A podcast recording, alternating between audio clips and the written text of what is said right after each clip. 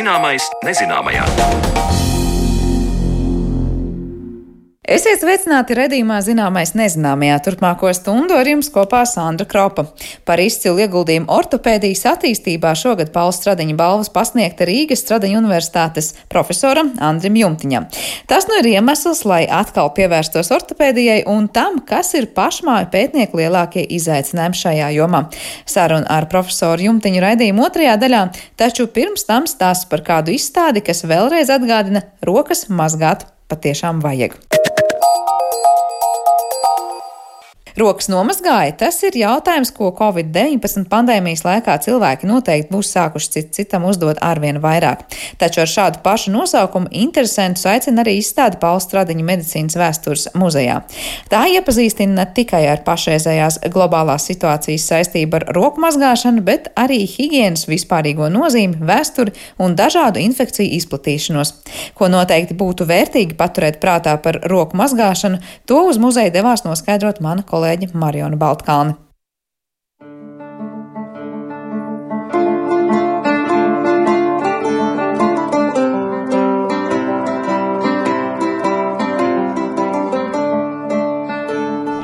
Nereti pieminot vārdu viduslaiki, tiek runāts par netīrību, nemazgāšanos un slimību izplatīšanos.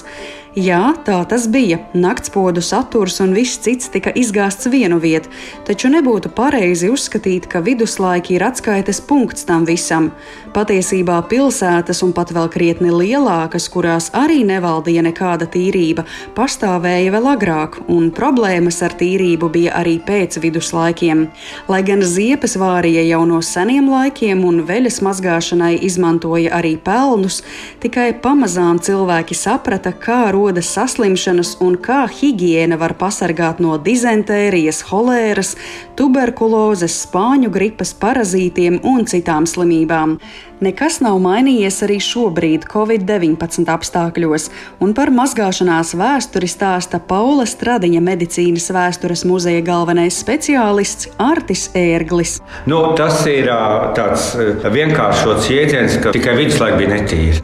Renesansē, industriālā laikmatā, mūsdienās, ja mēs palasām starpkara periodu presi, 20. un 30. gadi, mēs varam redzēt ļoti daudz aicinājumus cilvēkus ievērot gan par personīgo, gan apģērba higiēnu. Un līdz ar to tas parāda to, ka tas bija aktuāls jautājums. Un mēs jau atceramies arī padomu laikus. Nu, nebija gluži tā, ka katru dienu visi gāja dušā. Teiksim, mēs esam kļuvuši daudz tīrāki. No vienas puses, no otras puses, protams, ja mēs paskatāmies, kā ir pasaulē, tad vēl ar vienu, piemēram, kā rāda statistika, vairāk kā vienai trešdaļai pasaules iedzīvotājiem, pareiķiniet, trešdaļa no septiņiem miljardiem ir vairāk kā divi miljardi. Nav pieejami normāli sanitāri higieniskie apstākļi, teiksim, toaletes tīrs ūdens un tam līdzīgi. Tad nav, nav runa tikai par viduslaikiem. Mm. Līdz brīdim, kad Levenhuks izgudroja mikroskopus, neviens par mikro pasauli nezināja. Tālāk attīstījās jau zināšanas arī par baktērijām, tālāk par vīrusiem. Jā. Tagad, jāsaka, godīgi arī ir um, otrs aspekts. Ja tajā brīdī, ja tu jau no bērnības esi pierasts pie kaut kādiem nu, nosacītiem teiksim, patogēniem, kas varbūt tur bojā dzīves kvalitāti vai kaut ko, bet viņi tevi neiznīcina. Tad pašreiz ar visu savu tīrību mēs um, esam daudz uzņēmīgāki pret kaut kādiem patogēniem, kas varbūt tajos laikos nebija tik ļoti, ļoti būtiski. Savā jā. veidā mēs ar tādu pārspīlētu roku mazgāšanu iznīcinām kaut ko no dabiskā. Nu, te nav runa tikai par roku mazgāšanu, bet vispār jā. Nu, teiksim, Amerikas Savienotā valstīs bija savulaik pētījums par to, kas saista to, ka bērns neizjūt cauri bērnības laikā kaut kādas pārslimošanas, kas saistās varbūt ar to, ka viņš spēlējas smiltīs, vai ka viņam tomēr organismā nonāk kaut kāds cits vielas, ka viņam var uh, daudz lielāka iespēja saslimt ar astmu vai kādām citām slimībām. Ja? Daba ir ļoti, ļoti saistīta savā starpā. Izstādi ar šim laikam tik atbilstošu nosaukumu Rokas nomazgāji Paula Stradiņa medicīnas vēstures muzejā bija plānots atklāt šī gada martā, taču ironiskā kārtā izstādi par roku mazgāšanu ārkārtējās situācijas dēļ nācās slēgt, lai sabiedrība gan ievērotu distancēšanos, gan valkātu sejas maskas, gan mazgātu rokas. Atklāšana notika virtuālā vidē, bet kopš maija, kad muzeja atklāja atkal atvēra savas durvis, izstādi apmeklējuši daudzi interesanti. Izstāde parāda to, ka roku mazgāšana ir svarīga ne tikai pēc tā Covid, ka tas bija daudzreiz, daudzreiz senāk. Jo tās ir ārkārtīgi daudzas gan slimības, gan tie kaut kādi mikroorganismi, vai pat lielāki organismi, kā spalīši vai cērmes. Vai ne? tā ir dizentērija, ārkārtīgi daudz un dažādas slimību. Jo kāpēc rokas? Kāpēc tur nerunā par kājām tik ļoti? Nu, kājas arī būtu slikti nemazgāt, bet, bet ar rokām mēs visvairāk darbojamies. Mēs gan pieskaramies sejai, mēs ēdam, mēs bāžam pirkstus mutē, slaukam acis un tā tālāk. Un tādā veidā mēs nododam šos patogēnus iekšā organismā un saslimt. Jā. Bet tas nekas nav jauns. Tad koronavīrusa gadījumā uh, roku mazgāšana nav pilnīgi nekas jauns. Jūs varat redzēt šeit ļoti vecus plakātus. Nu, redzat, šeit ir tāds naivismu stilā taisīts starpkara perioda plakāts nebās pirkstus degunā un mutē. Ļoti skaists plakāts 70. un 80. gadi lai biežāk redzam šādas ainas, kad ziepes skalo ūdens šalts. Tad nepieliks nekādas vainas, tad vesels būsi tu un stāsts. ļoti mūsdienīgi Covid sakarā. Tāpat tās arī tur ir ļoti skaists krievu plakāts. Sīla mīla, mikrobs razīla, vodka kājā un mīla sīla. Par ziepju spēku. Par ziepju ne? spēku. Nu, ši, šis plakāts konkrēti veltīts dizentērijai, ārkārtīgi bīstamai kaitei, ja, bet ziepju spēks nekur nav zudis Ziepes ir tikpat spēcīgas pret covid, kā savulaik viņas bija pret daudzām, daudzām citām kaitēm. Nu, ja jūs apskatīsiet šos plakātus, absolūti lielākā daļa ir veltīti tieši bērnu izglītošanai. Bērnu izglītošanai, jā, pēc tā stilistikas mēs redzam, ka tas ir pamatā bērniem, kuriem māca par to, ka rokas ir jāmazgā. Ja tu paspēlēsi smilškastē, jau teiksim, kā šis te ka netiesas rokas atnesīs nelaimi. Ja? Mēs redzam, ka te ir tāds dažāds mākslas, ko bērns smēlēs smilškas, un pēc smilškas pēc spēlēšanas ir jāizmazgā rokas. Ja? Ko, protams, ka bērns uzreiz, ne, ne, ne, viņi uzreiz kaut ko mutē grib iebāzt un tam līdzīgi. Ja? Tā kā tas vairāk varbūt bija tieši uz uh, sanitāro izglītību tieši jaunai paudzei. Lai gan tā dzīvošanās smilškastē jau arī veicina to imunitāti līdz kaut kādam līmenim, vai ne? Tas pētījums, ko pirmie minēja, jā, jā, tieši, tieši tā. Jā, tam, tam visam jābūt zināmam līdzsvaram, nepārprotam. Jā. Man liekas, tas pats pēdējais ir tāds jaunāko laiku, vai ne? Rokas nomazgājums. Jā, ko jūs varat redzēt arī pašreiz ielās, mm. ko ir izdevusi slimību profilaks kontrolas centrs. Patiesībā, sakot, pirmo reizi viņi izdeva jau pirms pieciem gadiem. Tas atkal tas nav Covid sakarā, ko es esmu redzējis praktiski visās skolās. Uh, profesionālās izglītības iestādēs un citur, kur toaletēs pie izlietnēm tiek parādīts, kā pareizi mazgāt rokas. Jo te ir viens, nu, ka mēs paņemam, nopurinām pirkstu galus un uz galvas tīras. Ja, tāpēc mums te ir tādas divas lielas rokas, kur ar zelta neparādīts tās zonas, kuras parasti nomazgā. Un tajā pašā laikā mēs redzam, ka pirkstu gali paši, it sevišķi īkšķa, plaukstas iekšpuse paliek maz mazgāta vai pirkstu starp apakšas. Ja, kurās mikrobi jau tur ir tikuši un tur arī saglabājas. Līdz ar to ir ļoti rūpīgi tas jādara. Un te man atkal uzmanību saista informācija, ka 15. oktobris izrādās ir Pasaules roku mazgāšanas diena. Jā, Pasaules veselības organizācija savulaik 15. oktobru noteica par roku mazgāšanas dienu. Tieši tā. Bet nu, pašreiz eh, Covid pandēmijas sakarā es domāju, ka tas pagāja diezgan nemanīti. Jo visi jau nu, jāatcer, tagad pašreiz patiešām ļoti cītīgi ne tikai nesam maskas, bet arī mazgā rokas. -hmm. Jā, pat rokas, arī sejas, es gribētu teikt, būtu jāmazgā. It sevišķi, ja mēs esam uzturējušies ciešākā kontaktā ar citiem cilvēkiem.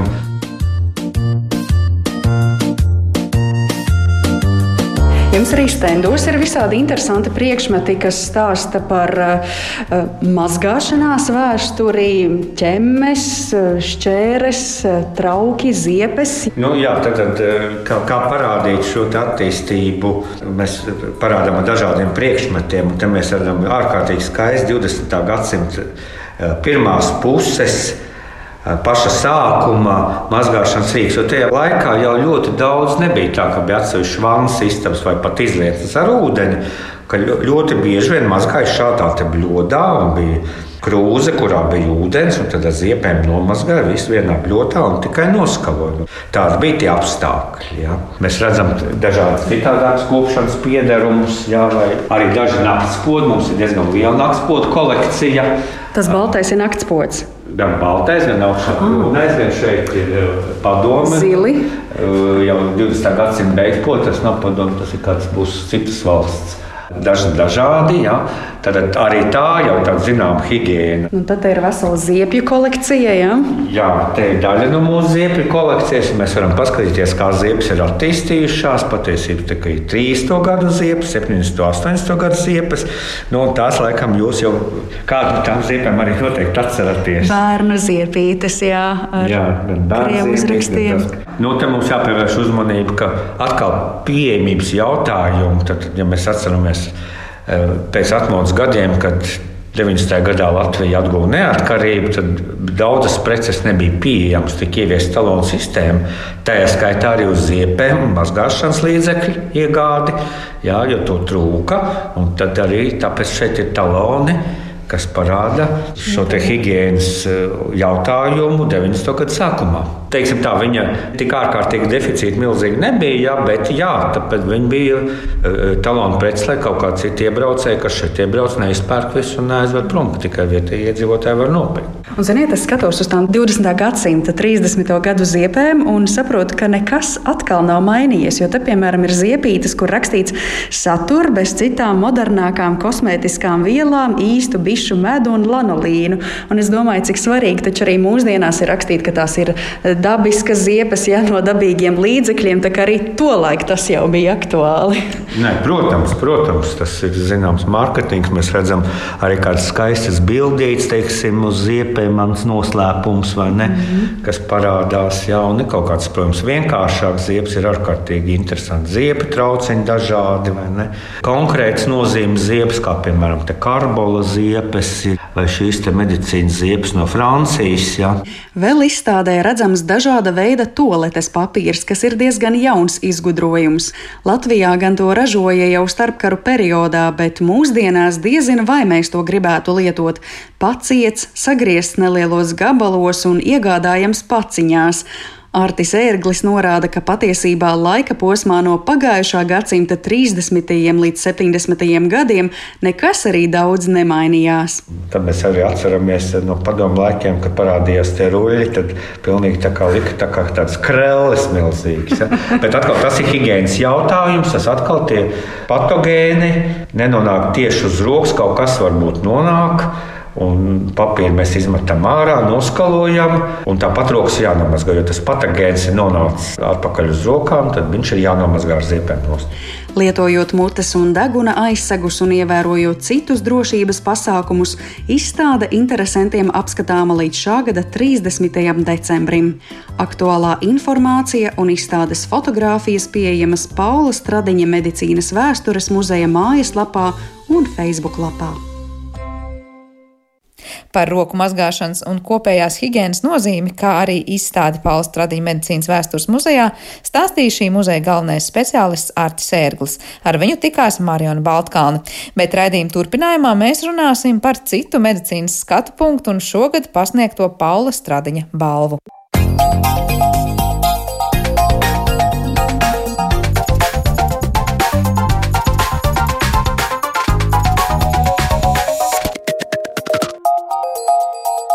Zināmais nezināmajā. Profesors Andris Jumtiņš no Lekā saņēma Paulstradiņa balvu par izcilu ieguldījumu ortopēdijā, un tas mudināja arī mūs pievērsties pētījumiem ortopēdijā un skaidrot, kas tad ir tie jautājumi, uz kuriem zinātnē šajā jomā arvien varbūt pat vēl nav atbilžu. Profesors un Rīgas Stradiņa Universitātes ortopēdijas katedras vadītājs Andris Jumtiņš arī šodien mūsu studijā. Labdien! Labdien! Vispirms apsveicam ar iegūto balvojumu. Lielas paldies! Parasti man ir tas jautājums cilvēkiem, kas nāk ar tādiem, nu, tiešām jomas, var teikt, novērtējumiem, vai tas ir kaut kas par kādu konkrētu pētījumu, konkrētu devumu, vai tas tāds nu, vairāku gadu vispār tāds darbs pie kaut kādas. Nu, lielākas lietas kā tādas. Kas jūsu gadījumā ir tas, var teikt, nu, iemesls šim apbalvojumam? Jā, nu, pirmkārt, jāsaka, es jūtos ārkārtīgi, ārkārtīgi pagodināts Un tas ir ļoti augsts novērtējums manam es domāju, ka ilgadīgam darbam, un, un protams, esmu ļoti pateicīgs gan saviem skolotājiem, gan saviem kolēģiem, bez kuriem tas nebūtu iespējams, un tāpat arī ceru uz saviem skolniekiem šodien un nākotnē. Nu jā, Tas ir augstākais apbalvojums ķirurģijā Latvijā, un mēs zinām, ka ortopēdija ir ķirurģijas nozare, novirziens. Un, eh, kā jau teicu, Pauls Stradiņš, tad medicīna ir arots, zinātne un māksla. Un, eh, es ceru, ka man ir izdevies katrā no šiem, šiem punktiem iedot kaut mazumiņu. Kurā brīdī jūs uh, sajūtat, ka tas arots, uh, zinātne un māksla kopā sanāk tiešām nu, tajā ikdienas darbā, ko jūs darāt? E, tas ķirurgam noteikti tas sanāk operācijas zālē, un manas tās ķirurģiskās lielākās un, un droši vien arī skaistākās operācijas jau ir zināmā pagātnē. Man dzīve bija ļoti jauka apsveikšana Rīgas Stradiņu universitātē. Un, um, kolēģis mans un draugs, docents Silvers Zēbolts, stāstīja par manu dzīves gājumu un arī zināmā mērā par veikumu. Tad es tā klausoties sadalīju to vairākos posmos, un tas ķirurģiskais posms droši vien bija kādus gadus atpakaļ, bet uh, tagad ir noteikti šīs pedagoģa darbs, eh, un eh, es ar ļoti lielu lepnumu skatos uz jauniem kolēģiem un eh, nu, jūtu, ka kaut ko jau es viņiem cerams esmu iedevis, un e, esmu ar zinām pārliecību, ka es būšu vecs un slims, ka būs kolēģi, kas mācīs man labi ārstēt. Bet par to Pauls Stradiņa teikumu, nu, tiešām kādu aforismu jau var teikt, kurā brīdī vispār ārsts. Nu, saskars, vai kura no tām komponentēm dobin, dominē, nu, liekas, nu, tad zināšanas vai tad prasmes, kā kas ir jā, jāgriež un jāoperē. Kur tur māksla parādās, kuros brīžos? Nu jā, ja runā par arodu, tad, protams, vairums no ārstiem ir ļoti labi savu arodu meistari. Ja runā par zinātni, tad šī jau minimālā zinātne parādās tad, kad mēs analizējam savus šos darbus, savus šīs operācijas, šos rezultātus, varbūt analizējam pat ilgtermiņā, skatāmies, kā mūsu pacientam ir piemēram pēc desmit un vairāk gadiem. Nu, tā ir tā klīniskā zinātne, savukārt māksla Nu, par mākslu, jā, es jau pieminēju e, manu apbalvošanu.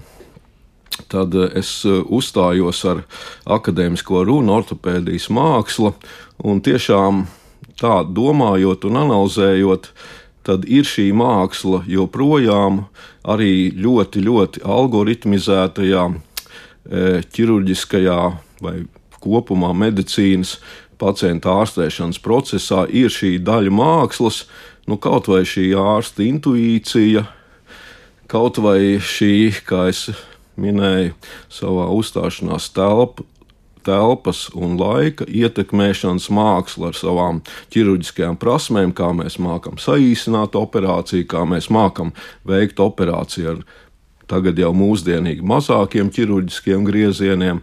Nu, arī daudz citas lietas, kas atbilst mākslai, jo protams, ir algoritmi un ir pamatā jau tomēr rietumos atstrādātas tehnoloģijas pacienta ārstēšanā, arī ortopēdijā, bet ja mēs domājam, kā tās pilnveidot, tad tur jau parādās šis mākslinieckais, šis zinātniskais un faktiski, faktiski kā es teicu, tad, tad šī māksla šodien faktiski ir vēl šodien nepierādāma zinātne, varbūt. Jā, tad caurvīja vienu otru nemitīgi, var teikt. Nemitīgi, darbā. tieši tā. Vai ir kāda no operācijām, kas jums nu ir vairāk palikusi prātā? Es, es izlasīju vienā rakstā, es domāju, iespējams, nu, tas būtu gadījums, kas noteikti jāpiemina, vai jums tas ir, tā saka, savu top no momentu uh, klāstā, ka jūs pārstādījāt sekmīgi gūžas locītavu 99 gadus vecai pacientei, kas svinot savu simto dzimšanas dienu uz savām kājām veiksmīgi arī aizgāja mājās no slimnīcas. Vai tā ir tiesa, ka bija tāda situācija? Jā, paldies par jautājumu. Tas tiešām bija, un tas bija nu, jau ļoti, ļoti tālā senatnē. Un, un es domāju, 25 gadus vai pat 26 eh, gadus atpakaļ. Tagad jau noteikti kolēģi to ir atkārtojuši. Tajā laikā tā bija uzdrīkstēšanās, liela uzdrīkstēšanās mūsu ārstu komandai, anesteziologiem, ķirurgiem, arī operāciju māsu personālam. Protams, arī milzīgi pateicība mēs ortopēdi esam pateicība parādā mūsu māsiņām, kas strādā palātās, rehabilitācijā, kas, kas šos pacientus pieceļ kājās. Nu, tajā laikā ķirurgs ļoti daudz pats iesaistījās, lai pacientu pieceltu kājās, un mums tas izdevās šī cienījamā kundze tiešām uz kruķiem e, pa koridoru, kā tagad atceros, gāja uz, uz, uz mājām no mūsu e, nodaļas. Tā bija. Jā. Bet vispār, cik daudz ķirurgam paliek atmiņā pacienti, kas ir nu, no vienas puses ļoti daudz droši vien nāk un iet. Jautājums, vai jūs varat atcerēties nu, tādus personificētus stāstus? Neapšaubāmi, neapšaubāmi. Un e, atkal ir Pauls Stradiņa teiciens, tikai labs cilvēks var būt labs ārsts, un, un reizēm mēs ārsti pat pārāk varbūt iejūtamies savu pacientu e, lomā, un tas mums traucē abstrahēties un varbūt reizēm pat pieņemt e, racionālus lēmumus. E, protams, katram ārstam ir atmiņā ne tikai veiksmes, bet arī pirmais pacients, kuru nav izdevies izglābt. Un, um, Daudz pacientu, kas varbūt ir ilgstošāk ārstējušies, daudz pacienti, kas ir varbūt optimistiskāki, e, un, e, ja pacients bez locītavas kā tāds lec uz vienas kājas, un tas ir mans kolēģi, e, pacients, un saka, doktor, mēs uzvarējām. Un, protams, tā kāja ir īsāka, tā kāja var būt pilnvērtīgi nekustās, bet viņš pārvietojās pēc ļoti, ļoti no, nopietnām traumām un, un, viss, un jūtās ļoti labi.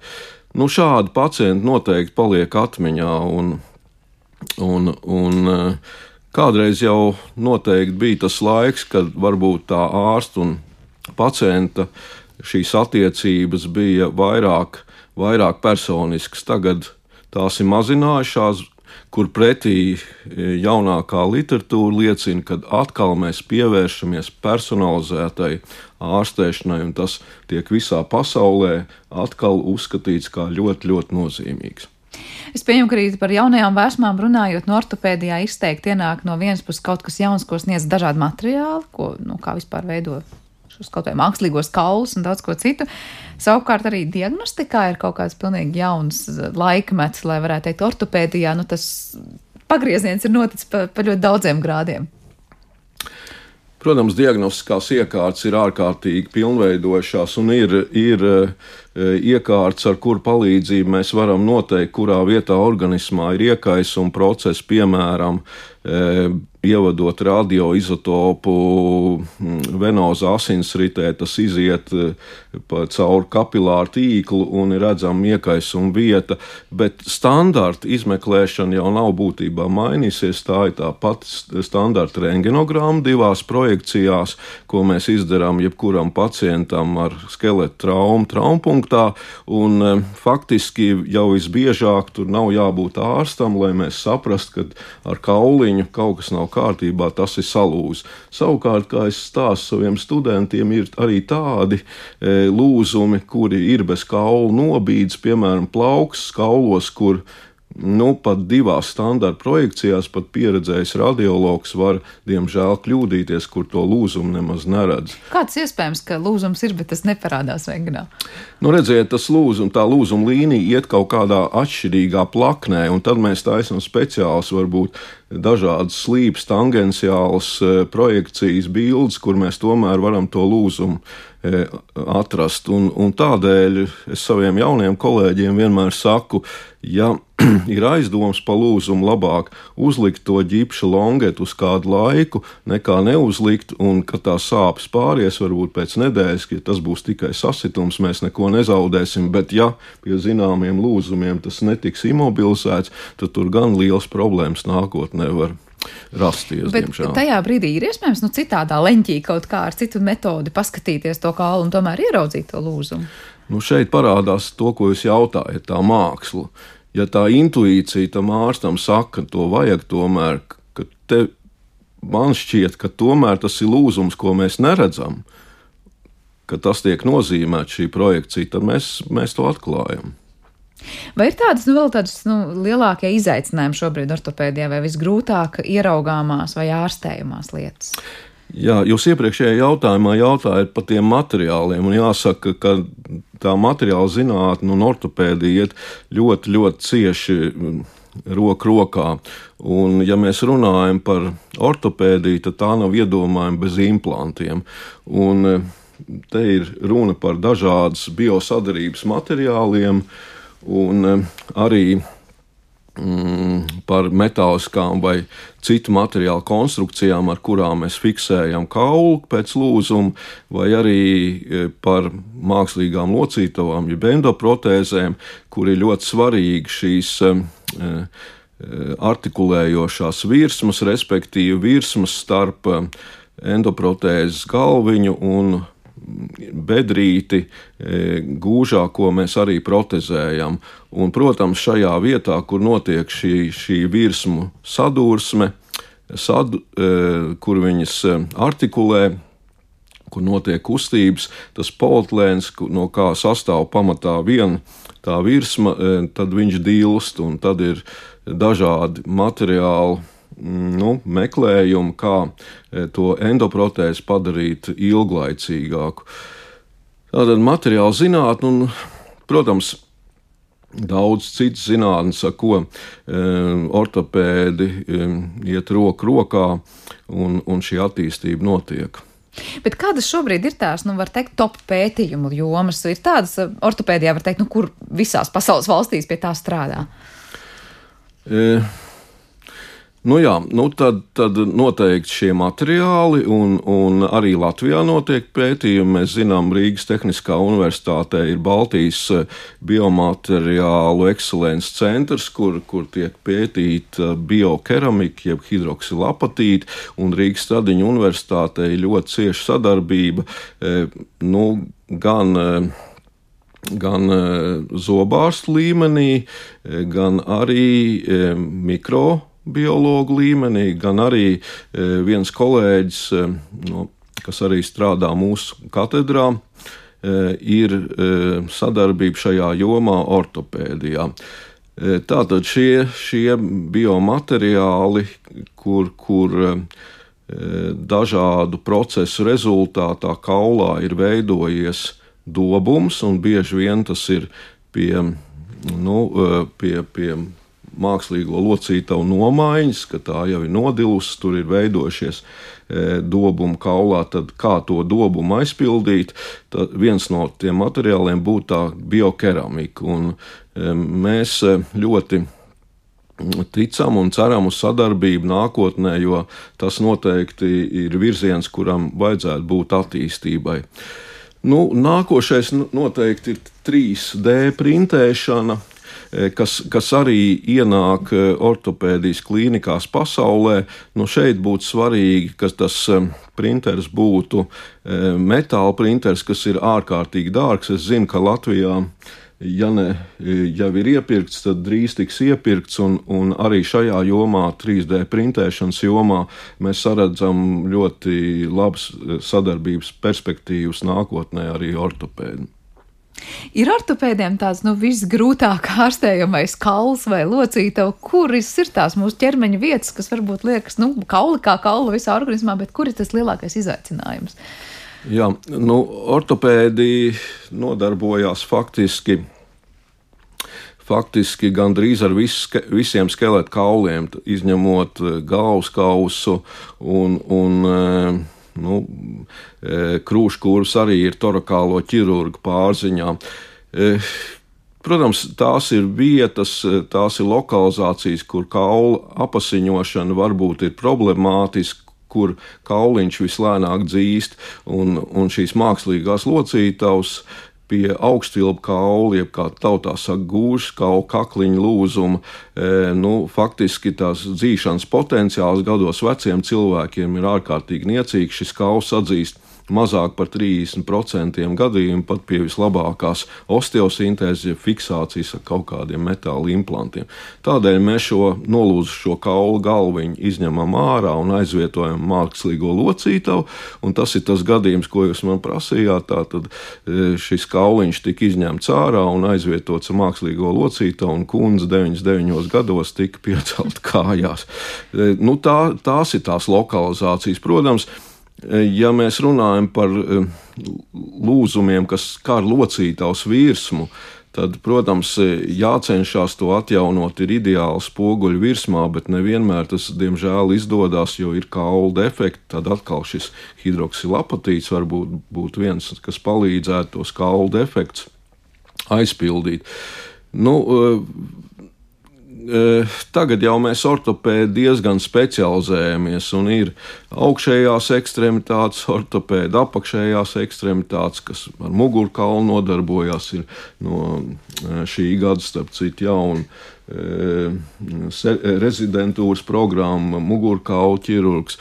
Tā kā, tā kā arī mugurkaula ķirurgi būtībā ir ortopēdi, mēs katrs savu lauciņu zinām vislabāk, agrāk, tad, kad Man bija šī ķirurga, varbūt ziedu laika, tad es zin, pārzināju vairāk šos lauciņus, un tā es uzskatu, bija man zināma priekšrocība, lai gan, protams, ļoti smalki zinot vienu, e, protams, un vairāk operējot šo vienu lokalizāciju, tu, tu esi lielāks varbūt speciālists. Bet kā sanāk e, ortopēdam? Nu, tad sanāk viens puses uz ceļa gala locītavām, specializējies, cits uz gūžas e, kaulu. Mm, kā sajūt nu, cilvēks, uz, uz kuru kaulu vai teikt viņam vairāk tā, tā iedvesma vai prasmes vēl? Tā ir tāda, nezinu, talants, ka jūti viss, es sap, vairāk saprotu, kas tur notiek, un es nemaz negribu iedziļināties, kas notiek tur pēdā, piemēram, ja es ārstēšu gūžas. Nu jā, te, te viens te ir tā ortopēda izvēle, otrs ir tas mūsu pacients, kas mums ir uzņemšanas nodaļā. Un, protams, kolēģi, kas strādā rajonu slimnīcās vai, vai, vai mm, traumatoloģijas nodaļās, kur ārstē skeletu traumu, viņi saskarās ar konkrētu pacientu, un ar to pacientu mums ir jātiek galā.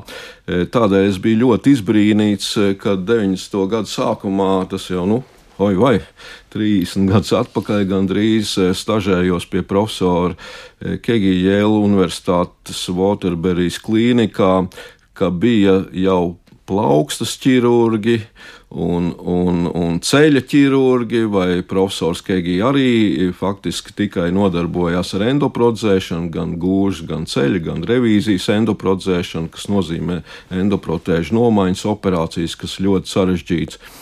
Nu, lūk, e, nekas tāds pie mums tajā laikā nebija, bet nu, tagad, protams, mēs esam saspecializējušies un droši vien, ka priekš zināmiem nu, virzieniem, priekš zinām pacientu, kas nonāk pie konkrētā speciālista, protams, tas ir daudz labāk, bet, bet rajona slimnīcās mūsu traumatologu ortopēdi joprojām ir plaša profila speciālisti.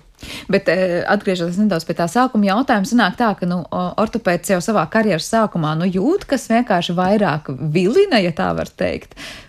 Kas ir tas, kas nosaka, nu, kāpēc vienam vairāk interesēs tur gūžas, dakterēt un citam pēdas?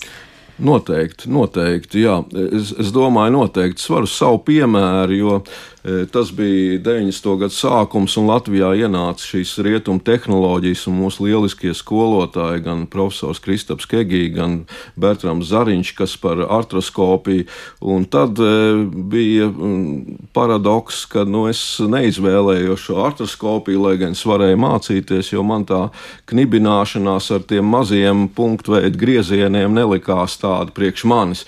E, nu, man likās, tā lielā ķirurģija, tā ir tā ir priekš manis. Un, un kaut kā tā, tā dzīve tā ievirzījās, ka e, pagāja 11 gadu, un es pats pievērsos mini invazīvām tehnikām un, un atkal um, liels plāksnes centos ielikt ar maziem griezieniem.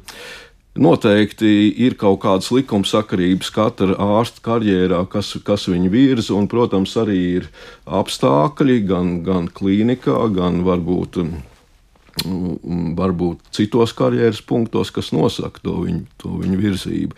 Protams, katrs pats ir savu likteņu noteicējs un cenšas tas, kas viņam e, interesē, cenšas, cenšas šajā jomā sev pilnveidot un, un turpmāk arī karjerā strādāt. Jā, nevēlt mums varbūt tiem, kas nav saistīti ar uh, medicīnas jomu, tik, tik ļoti cieši liekas, nu kā no ārsta, kā ārsta, ja jau viņam tur interesē kauli, tātad kauli, ja, bet tas ir patiesībā vēl tik liels un plašs lauks, ka tur ir specializācija, specializācija vēl iespējama. Par to mazinvazīvo tehniku, ko jūs pieminējāt, saprotu, tas arī ir jūs tāds, jūs viens no pirmajiem Latvijā aizsākāt tādu mazinvazīvu uh, iejaukšanos, var teikt. Nu, uh. Droši vien jau tā tas vēsturiski iznāca, jo e, ir tāda starptautiska mm, osteosintēzes skola, Ļoti vienkāršot sakot, osteosintēze ir ķirurģiska kaulu lūzuma fiksācija. Protams, sākotnēji tos kauliņus saliekot acu kontrolē, ķirurga acu kontrolē vietā un fiksēt ar fiksējot ar kaut kādu metāla konstrukciju, plāksnītes, krūvītēm, stieņiem un tā tālāk. Nu, lūk, tad šī vadošā skola ir Davosā un saucās AO no vācu valodas darba grupa osteosintēzes jautājumu risināšanai, un tā faktiski nosaka, e, nu, ir vadošā pasaulē un nosaka um, osteosintēzes virzienus. E, nu, kā, kā vadošā institūcija. Un eh, man bija tā iespēja eh, agro ag, 2000. Eh, gadu pašā, pašā sākumā nu, nokļūt Davosā un mācīties šajos kursos. Un, tur bija kā viens no jaunumiem šīs lielās metāla konstrukcijas, kuras, ja ir zināmas ķirurģiskas iemaņas un zināmi triki, E, tad tu vari viņus iemānīt, protams, e, nu, ārstu un, un visu, visu uh, operācijā iesaistītās komandas nu, sadarbības rezultātā.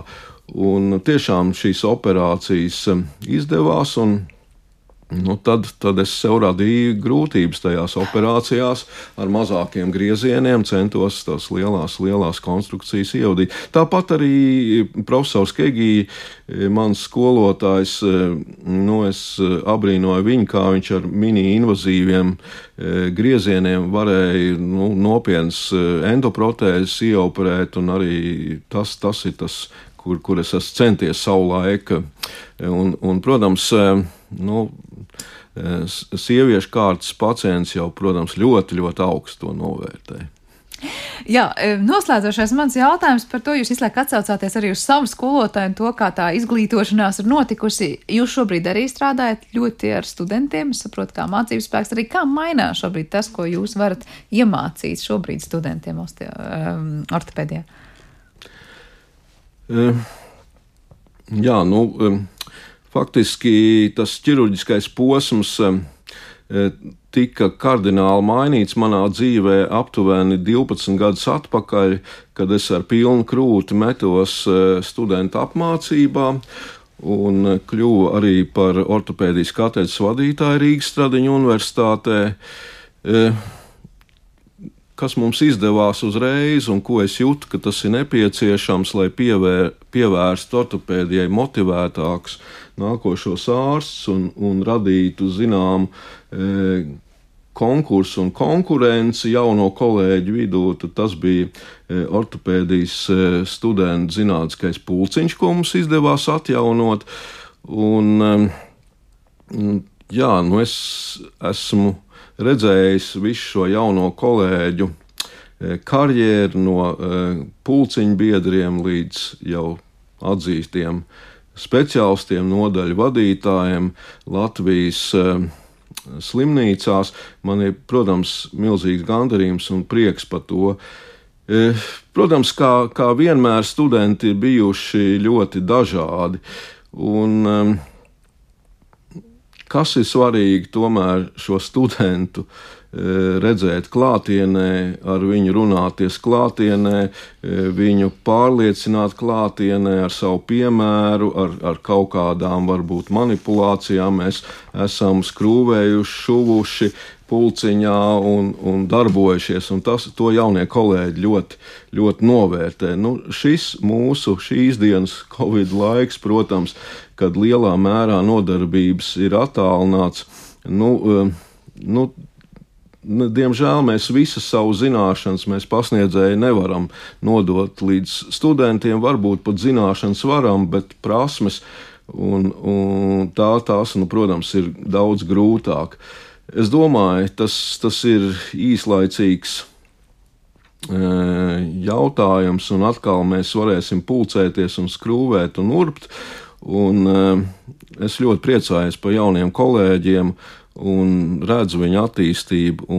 Tas faktiski šajā brīdī man kā ārstam, ortopēdam, pedagogam ir, ir lielākais gandarījums.